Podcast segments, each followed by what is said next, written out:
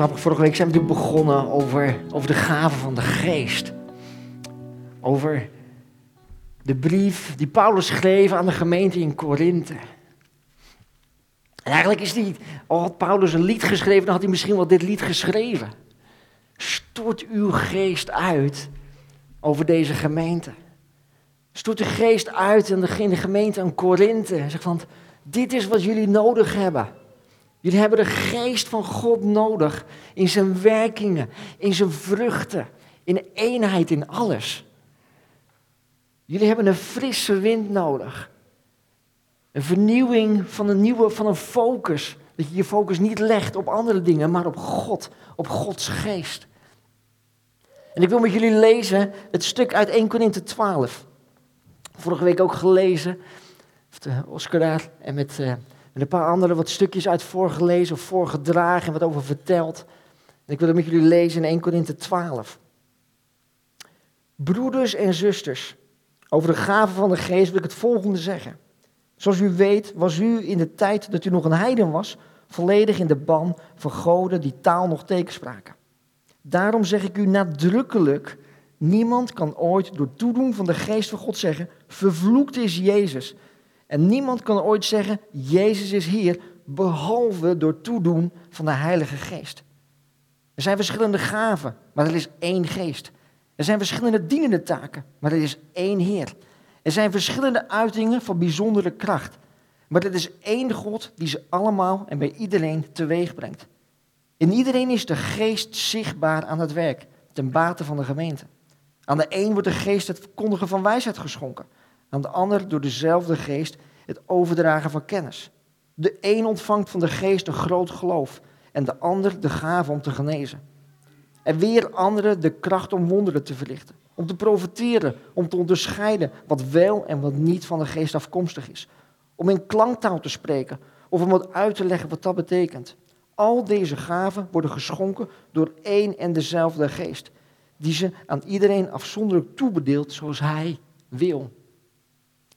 Paulus heeft al een aantal stukken geschreven in deze brief. En dan komt hij, wat wij dan noemen hoofdstuk 12, komt hij dan uit. En het is net even of hij even wil zeggen, let op even mensen. En zeggen, broeders en zusters, over de gaven van de geest wil ik even het volgende zeggen.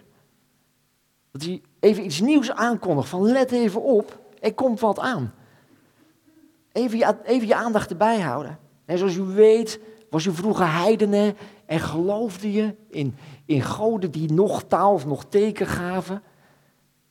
Zegt, let op, wat jullie waren, dat is niet meer. Jullie geloofden in goden die niks deden, die niks zeiden. Maar nu, dit is even een andere situatie. Je bent in een andere setting gekomen. Want nu geloof je in een God die wel spreekt, die wel dingen doet. En daarom zeg ik u nadrukkelijk, alsof hij wil zeggen, even opletten mensen, nadrukkelijk.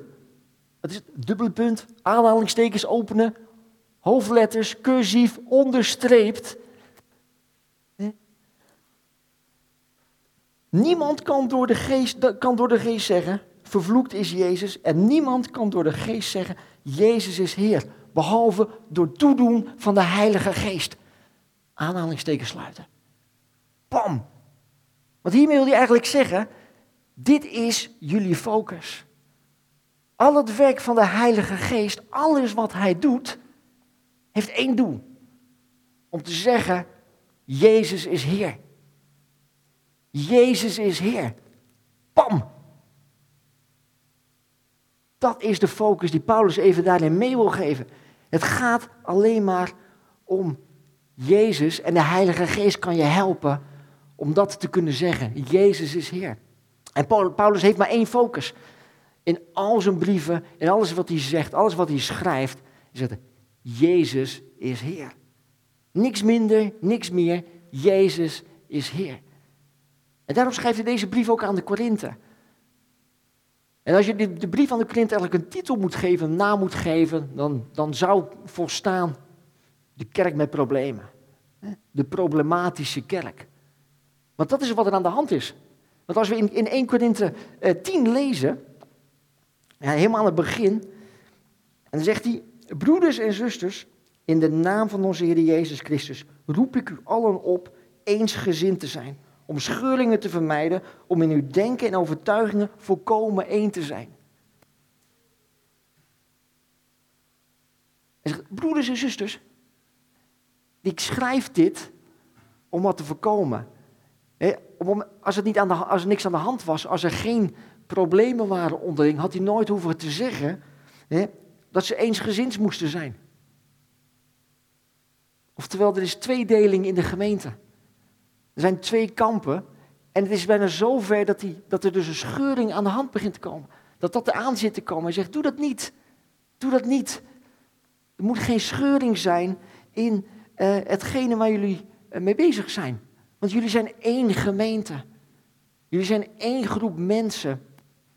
Eh, oftewel, jullie zijn wel één, maar er waren twee kampen. Er waren de Joden die in deze gemeente zaten, die samen met hun ja, tradities, met hun kennis van de wetten, dat was een groep. En aan de andere kant waren het de, de mensen uit Korinthe zelf, de heidenen die tot geloof gekomen waren. Die voorheen altijd andere soorten van aanbidding hadden, afgodaanbidding hadden. Die gewend waren om over alles en niks te debatteren, discussies aan te gaan. Hun eigen tempels hadden.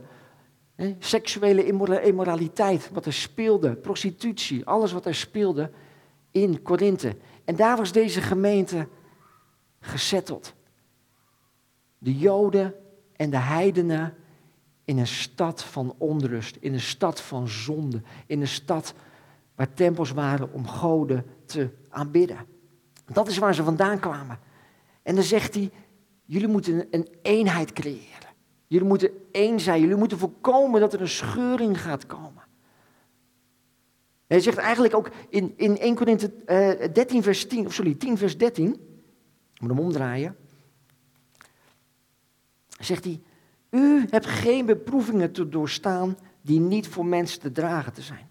God is trouw en zal niet toestaan dat u boven uw krachten wordt beproefd. Hij geeft u met de beproevingen ook een uitweg, zodat u haar kunt doorstaan. In deze kerk waar deze problemen zijn, waar hij zegt, de Heilige Geest gaat jullie helpen om te zeggen, Jezus is Heer, zal er niets zijn wat jullie niet aankunnen. Er zal er niets zijn wat jullie te boven gaat, want jullie hebben namelijk deze geest. En het staat ook in, in, in, in het stukje van de gaven, zegt hij, de geest is zichtbaar in iedereen van jullie. Er staat niet van, nou, de geest zou mogelijk zichtbaar kunnen zijn in een aantal van jullie. Hij zegt, de geest is zichtbaar aan het werk in jullie. Oftewel in iedereen. In de kinderen, in de tieners, in de jongeren, in de ouderen. Zichtbaar in iedereen. En vandaag hebben we natuurlijk die kinderen die zijn op hun eigen plek bezig. We hebben elke vrijdag komen de link tieners bij elkaar. Daar is de geest zichtbaar aan het werk. Dat is ook wat we uitspreken, wat we ook, dat ook uitbidden. Als we één keer in twee weken een open heaven hebben, een gebedsavond als gemeente. Zeggen, stort uw geest uit op al deze plekken. Connect-groepen, andere groepen die bij elkaar komen, alfa-cursussen. Waar we ook zijn als gemeente, stort uw geest uit. Zodat we kunnen zeggen en ook kunnen laten zien, Jezus is Heer. Want dat is het verlangen wat Paulus door wil, door geven aan, aan iedereen van ons. En dat is ook de reden waarom hij dat schrijft. Hm? Dat in ieder van ons de geest van God zichtbaar aan het werk is. En dan noemt hij in deze negen gaven, noemt hij er eentje, de gave van geloof. En dan wil ik nog even wat dieper naar kijken van jullie. Want als je de negen gaven weet, wat we net ook gelezen hebben, dan bij de meeste kun je wel een beetje een beeld vormen van wat er nou eigenlijk inhoudt. Natuurlijk is het wat lastig misschien om te begrijpen, hoe werkt het dan en wat kun je er dan mee? Maar als we zeggen, ja, de gave van genezing, dan kunnen we wel een beetje een beeld vormen van, oh, dat heeft te maken met ziek beter. De gave van wijsheid is van, nou ja, iets niet weten, iets wel weten. Inzicht kun kunnen we een beetje snappen. Een tongentaal, oké, misschien wel wat moeilijk om te zien, oké, hoe, hoe werkt het dan of in uit te stappen. Maar dit is een klanktaal. Maar de gave van geloof, ja, dat is niet iets wat je direct een, beeld van, van wat, wat betekent dat dan eigenlijk? Hoe, hoe gaat het dan in zijn werk en hoe oefen je dat eigenlijk? Kun je dat wel oefenen? want ik noemde een gek vanmorgen tegen iemand anders. Ja, we kunnen aan het einde een oproep doen. Wie wil de gave van geloof oefenen? We lopen naar buiten, pakken een auto, laten we recht op iemand afrijden. En zeggen, en nu ga jij de gave van geloof hebben. dat die auto stopt, spreken we uit. Ja, mag iemand anders volgende week doen, maar niet vandaag. Want dat, dat is iets wat op dat moment nodig is. Dat kun je niet creëren. Dat kun je niet zeggen, ik heb nu de gave van geloof nodig voor iets wat nog niet van toepassing is. Het is een moment waarin je realiseert, nu is het. En nu moet ik een gave van geloof hebben en uitspreken iets in geloof dat dat daadwerkelijk gaat plaatsvinden. Dus je andere acht zijn, oké, we, we, gaan er de komende weken verder over praten. Want het is natuurlijk niet zo dat het heel makkelijk is, al die andere acht gaven. Maar we kunnen daar wel een beetje een beeld van vormen van wat het dan betekent. En als we het nu hebben over de gaven van geloof, is het belangrijk om wel even te weten wat geloof daadwerkelijk inhoudt. Want we kunnen het hebben, eigenlijk hebben we het over drie soorten geloof. Het een is het natuurlijke geloof. Als je bijvoorbeeld moet denken aan een, aan een boer die zijn zaad zaait in zijn land. Hij weet uit ervaring, uit de kennis van jaren, dat als ik het zaai, dan gaat iets groeien. Er gaat iets komen. Dat is geloof, natuurlijk geloof op basis van ervaring, op basis van kennis, op basis van onderzoek. Op basis van geloof durf ik wel te zeggen dat vanavond de zon weer ondergaat. Want dat weten we. En dat die morgen weer ergens in de wereld de zon weer opgaat. Misschien zie je hem niet, maar hij gaat wel op. Op basis van geloof weet ik dat na deze dienst dat we koffie hebben. Yeah. Want dat doen we namelijk elke keer. Op basis van geloof weet ik dat sinds vanmorgen we na de dienst ook weer koekjes hebben. Hoop. Hè? Maar dat is natuurlijk geloof. Dat is wat anders dan de gave van geloof. dan hebben we daarnaast hebben we natuurlijk nog de, het reddende geloof. Je zijn vandaag allemaal naar een kerk gekomen, omdat je misschien wel christen bent of misschien niet. Maar het reddende geloof betekent dat je bewust bent van het feit dat God zijn zoon Jezus Christus naar de aarde gestuurd heeft. Dat Hij voor jouw zonde gestorven is. Dat Hij ervoor zorgt dat we weer bij God kunnen zijn. Dat we op Hem kunnen vertrouwen. Dat we met Hem kunnen leven. Dat we kunnen weten dat is een God die ons beschermt. Want dat is namelijk zijn natuur en zijn karakter. Een van Gods namen is Jehovah Jireh, de God die voorziet. Daar mogen we op vertrouwen dat Hij dat geeft. Dat is reddend geloof. Maar de gave van geloof is wat anders. Is een bovennatuurlijke toerusting van geloof door de geest. Waardoor zal gebeuren wat door een mens of door God wordt uitgesproken. Iets waar een verandering plaatsvindt. Dus wanneer we spreken over de gave van geloof, dan wordt niet bedoeld geloof tot redding, waardoor wij gerechtvaardigd worden, maar het is één van de negen gaven van de geest, waardoor wij geloven kunnen dat het fantastisch onmogelijke zal gaan gebeuren.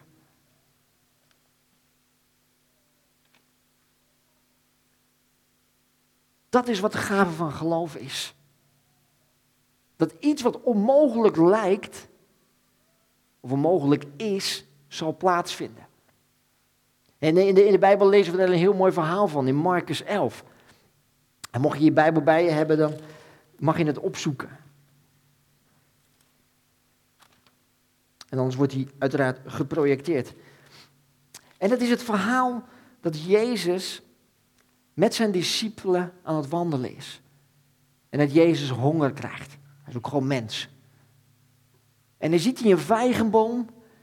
En dan denkt hij, hé, hey, daar zit de bladeren in, daar ga ik een vijg pakken. Dan ga ik een vijg, ga ik naartoe lopen en dan pluk ik een vijg, want ik heb honger. En dan komt hij bij de boom en dan heeft die vijgenboom geen enkele vrucht. En dan zegt Jezus, vervloekt zul je zijn boom, Je zult nooit meer vrucht dragen. En dan loopt hij weg. En dan komt de volgende dag, komen ze met zijn discipelen, loopt hij weer langs de boom. En dan zien de discipelen zien dat die boom verdord is. Dat hij gewoon dood is. En dan, en dan Petrus die, die, die, die zegt dan, Jezus, ziet u dat? Die vijgenboom, hij is echt verdord, hij is dood. En ik moest erover nadenken en ik denk, die tweede dag dat, dat ze daar weer voorbij liepen, ik denk dat Jezus geen eens keek naar die boom. Dat hij gewoon strak gewoon doorliep, want hij wist wat ik heb uitgesproken gisteren. Dat heeft al plaatsgevonden. Ik hoef niet te kijken, ik hoef niet te kijken voor een bevestiging. Maar dat op een gegeven moment die andere twaalf op een gegeven moment daar langs liepen en de eerste keek één, hè? Stoot die andere aan, moet je kijken. En dat is een beetje een soort stil komen te staan en dat ondertussen Jezus gewoon doorloopt. En dan zeg ik, hij is echt verdord. En dat Jezus, of dat Petrus met zijn enthousiasme naar, naar, Jezus toe. Jezus! Boom, dood. En dat Jezus misschien een beetje moet lachen. Ja, heb ik toch gisteren uitgesproken? Je loopt nu al zo'n tijdje met me op, dan mag je toch weten dat wat ik uitspreek, dat het daadwerkelijk gaat plaatsvinden. Dat het plaats heeft gevonden. Waarom ben je zo verbaasd? En dan zegt Jezus tegen, tegen Petrus, heb geloof in God. Althans, dat is wat in de Nederlandse vertaling staat. Heb geloof in God. Maar in de oorspronkelijke tekst zegt Jezus tegen Petrus, heb het geloof van God. Heb Gods geloof. En dat is ook een laagje dieper. Niet het vertrouwen hebben dat het geloof in God, dat het wat Hij gaat doen, dat het gaat plaatsvinden. Maar ik heb dus het geloof van God. Dus ik hoef het niet zelf te doen. Want het is Zijn geloof. Het is een natuurlijk goddelijk geloof. Dat wat Hij uitspreekt, wat ik uitspreek, dat dat daadwerkelijk gaat gebeuren. En dan gaat Jezus ook verder in dat stukje. Vers 22 Um, of vers 23. Ik verzeker jullie, als iemand tegen de berg zegt, kom van je plaats en stort je in de zee en niet twijfelt in zijn hart, maar geloof dat het zal gebeuren, zal wat hij zegt ook echt gaan gebeuren. Geloof, de gave van geloof, ligt niet, de oorsprong ligt niet in ons als mens. Het ligt in de oorsprong bij God. In God. In wie Hij is in zijn karakter, in zijn natuur. En dat is ook waar Jezus ons in aanmoedigt, waarin hij in ieder geval zijn discipelen aanmoedigt in eerste instantie, terwijl hij dit zegt. Heb Gods geloof. Dat wat jij zegt, dat dat in zijn naam plaats gaat vinden. Heb vertrouwen dat dat daadwerkelijk gebeurt. En dat is ook waar Paulus in aanmoedigt naar de gemeente in Korinthe. Heb dit geloof. Heb Gods geloof. Niet van, nou Heer, als u het misschien zou willen doen en nou zou willen overwegen, dan zou het prettig zijn als u dat toch zou doen wat ik denk. Nee, het is veel krachtiger. Het is veel krachtiger. Het is zijn geloof waarmee we de gemeente kunnen dienen. Waarin we iemand anders kunnen dienen in de gemeente, in de familie van God. Waardoor die persoon misschien daardoor wel kan zeggen, Jezus is Heer. Want dat weer is het verlangen wat Paulus neer wil leggen. Dat door deze gave heen, dat er eenheid is. Dat er geen scheuringen ontstaan. Dat er, dat er een daadkrachtig iets gaat plaatsvinden. En dat daardoor gezegd kan worden, Jezus is Heer. Misschien wel uitgeroepen kan worden, Jezus is Heer. Dat is ook ons verlangen voor ons in Connect Kerk. Dat we kunnen zeggen, Jezus is hier door, de, door het geloof van God wat in ons leeft. De passie die wij in ons hebben om God te dienen, om God groter te maken. En om te kunnen zeggen, Jezus is Heer. De gave van geloof is bestemd om een hemelswonder voor te brengen aan deze kant van de hemel. Geloof als gave brengt wonderen voort op aanwijzing van de geest. Maar ik vond het eigenlijk best lastig deze week. Om na te denken van ja, maar heb ik eigenlijk wel voorbeelden uit mijn eigen leven waar dit van toepassing was? Nee? Herken ik ze überhaupt wel? Want zo vaak heb ik het ook niet hoeven gebruiken of gebruikt. Ik weet op een gegeven moment dat ik een, eh, dat ik een computer thuis had. En die had ik nog niet zo heel lang, maar dat, die deed voor geen meter. Elke keer popte weer wat andere vensters op in mijn scherm. En ik werd er knettergek van. Maar ik moest er wel mee werken. En ik had geen andere oplossing. En ik had ook geen, eh, geen het, garantie had ik meer. Dus wat ik alleen maar had was een irritante computer die ik moest gebruiken. Die gewoon niet deed wat hij moest doen. En op een gegeven moment was ik zo gefrustreerd van. Zo irritant dat ik als ik weer aan het werk was, dan weer de paf, alles weer weg. Ik zeg nu, in de naam van Jezus, doe het. Werk, stop hiermee. Bam. Daarna nooit meer problemen mee gehad. Tot, ja, yes, yes. Totdat die computer gewoon te traag werd. Weet je, dat is gewoon ook de realiteit. Maar dat is wel wat er gebeurde. Van de week sprak ik iemand en die had zo'nzelfde soort verhaal. Waarop in, in, in, in een korte tijd allemaal dingen kapot gingen. Waaronder zijn koelkast. En ik ben er klaar mee. En in de naam van Jezus, koelkast werk. De volgende morgen, de koelkast werkte weer. En is het dan, weet je, onze oven thuis is kapot. Van de week ging onze auto kapot. Ging onze ketel ging kapot. Ja, blijf bezig. Ze zijn nog steeds kapot. Dus dat is een zoektocht. Durf ik het? Of herken ik op dat moment daadwerkelijk wel dat ik er naartoe mag lopen, zeg je in de naam van Jezus. Werk. Of dat ik in een gevaarlijke situatie terechtkom. In de naam van Jezus zeg ik stop. Het begint altijd met durf ik het, maar het begint ook met herken ik het. Is dit zo'n moment dat ik dat daadwerkelijk mag gaan gebruiken? Geloven is zonder twijfel dat wat we uitspreken ook daadwerkelijk gaat gebeuren.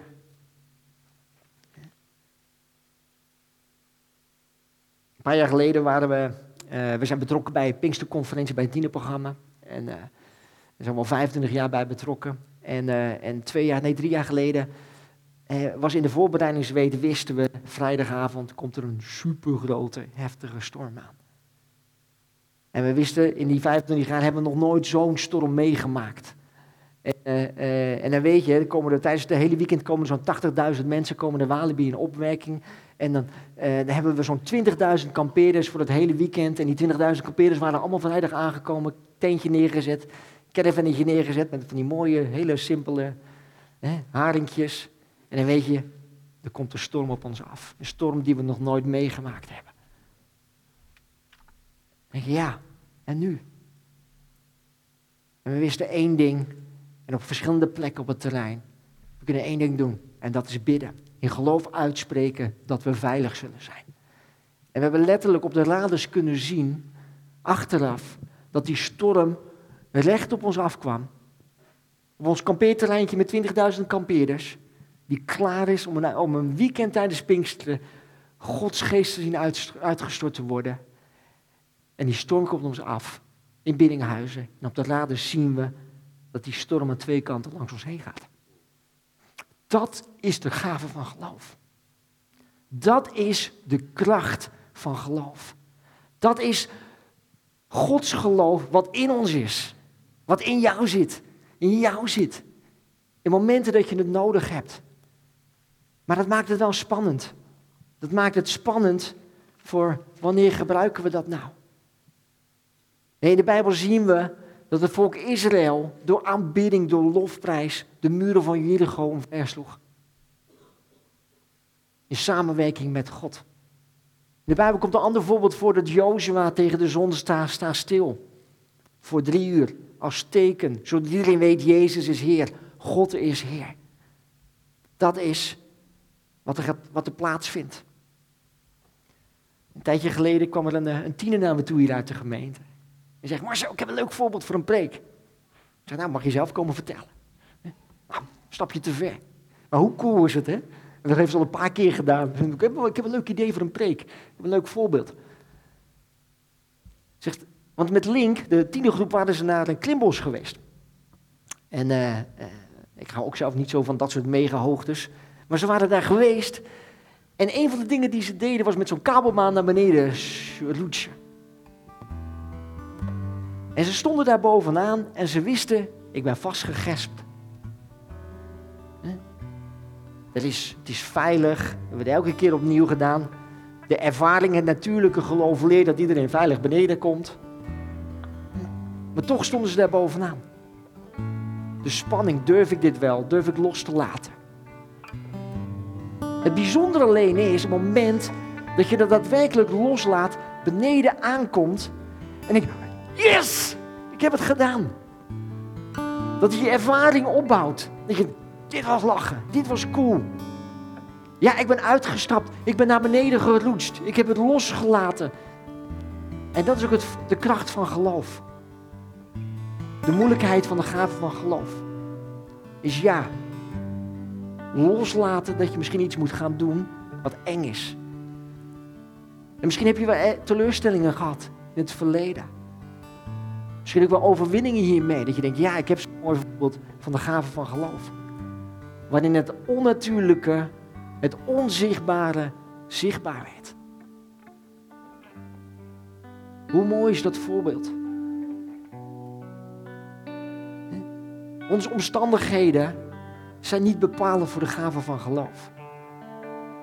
Hoe je je voelt, hoe je week was, hoe je gezinssituatie is. De moeilijkheden waar je misschien in zit, of misschien wel de weken van overwinningen, van dat alles wel goed gaat. De gave van geloof begint bij beschikbaarheid.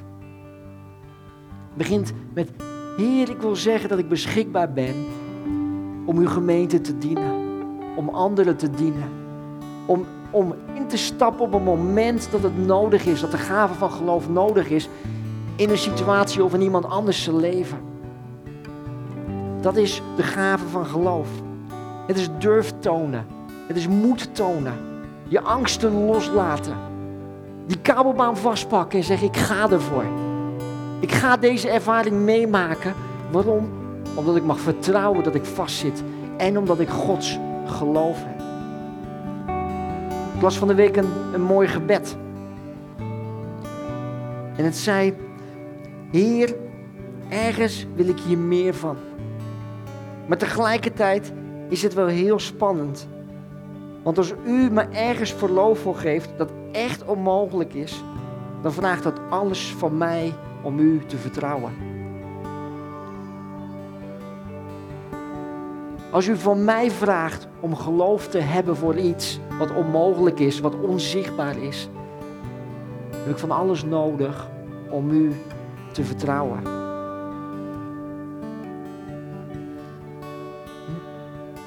Als het onzichtbare zichtbaar wordt. Als Gods geest gaat werken door ons heen. Mogen we zien dat anderen daarmee bemoedigd worden.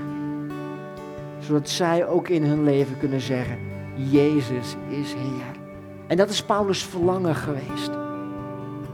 Om naar deze gemeente te schrijven die in de problemen zit. Waarvan Paulus de verhalen gehoord had. Dat gaat niet goed hier. Waarin ze eerder zelf vragen hadden gesteld door andere brieven van Paulus. Wat moeten we hiermee? Paulus zegt. Door deze geest kunnen jullie zeggen Jezus is Heer. Dus hoe lastig ook de omstandigheden zijn. Er is geen beproeving die je niet kan doorstaan. En ik geef jullie deze gave van geloof. De, het geloof van God. En ik kan niet zomaar een uitnodiging doen. Je zeggen, hé, hey, wie wil nu, vandaag, op dit moment, de gave van geloof direct plaats zien vinden. Omdat je namelijk niet weet wanneer je het nodig hebt. Maar je zult hem nodig hebben. Dus de vraag is eigenlijk, ben jij beschikbaar om je te focussen op die God, op die Heilige Geest. Misschien kunnen we gaan staan.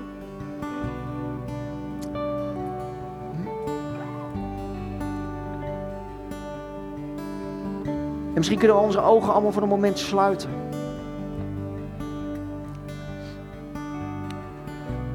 Want wanneer we het hebben over een natuurlijk geloof,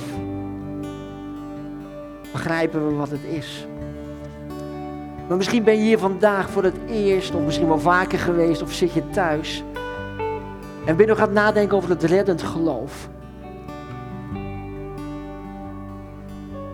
Dat wat ik zei, dat Jezus voor jouw zonde gestorven is. Dat Hij jouw Heer wil zijn, dat Hij betrokken wil zijn in jouw leven. Misschien is dat nog iets wat je mist. Of waarin je misschien een nieuwe een keuze wilt maken, een nieuwe toewijding wil maken en zeggen: Heer Jezus, ik wil u dienen. Ik wil mijn leven aan u geven. Ik wil dat reddende geloof wil ik pakken.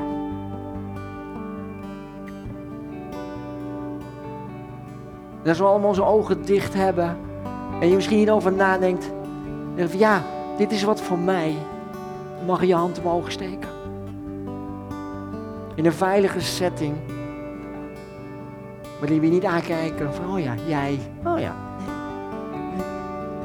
Het is iets tussen jou en God.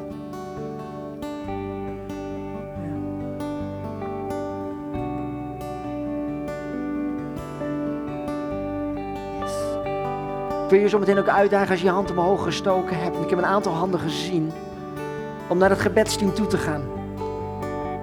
Waarom? Omdat we het belangrijk vinden dat je weet dat we er voor je zijn. Dat we samen strijden. En dat we willen bevestigen en helpen in de keuze die je hebt gemaakt. Schroom daarin niet. De tweede oproep die ik eigenlijk wil doen. Is zeggen, ben jij beschikbaar? Om een uitstorting van de geest te krijgen in je leven. Door te zeggen, ik ben beschikbaar. Ik wil beschikbaar zijn. Ik vind het spannend. Ik heb geen idee hoe het eruit gaat zien. Maar met een commitment.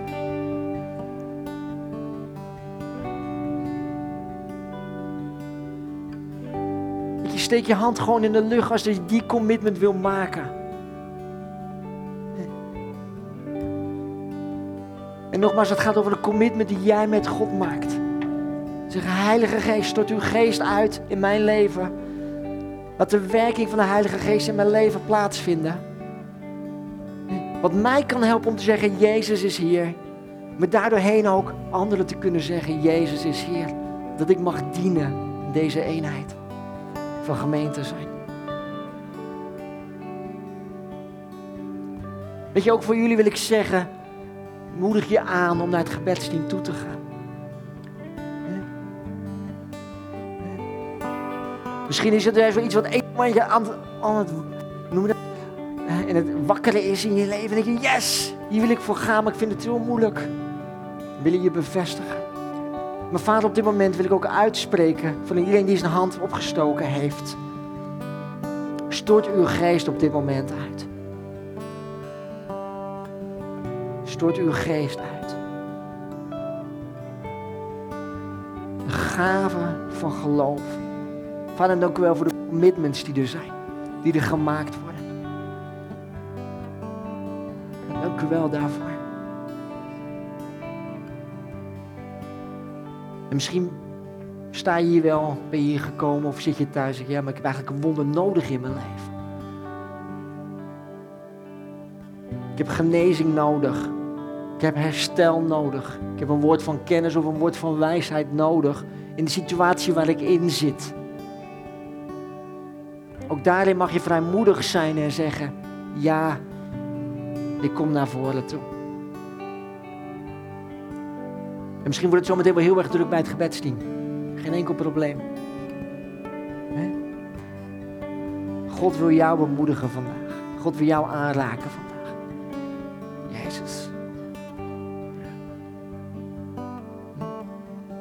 Je fysiek niet in orde bent. We hebben het uitgezongen. Holy Spirit, stort uw geest uit. We gaan het weer zingen en ik ga ook afsluiten nu met gebed. En de drie oproepen blijven staan. Wil jij je hart aan Jezus geven? Het reddende geloof. Wil je meer van Gods geest? Commitment die je mag maken. Of je hebt een wonder in je leven nodig. Vader, dank u wel dat u hier met uw geest bent. Dat u uw geest aan het uitstorten bent. Het gaat om uw geest. Koning.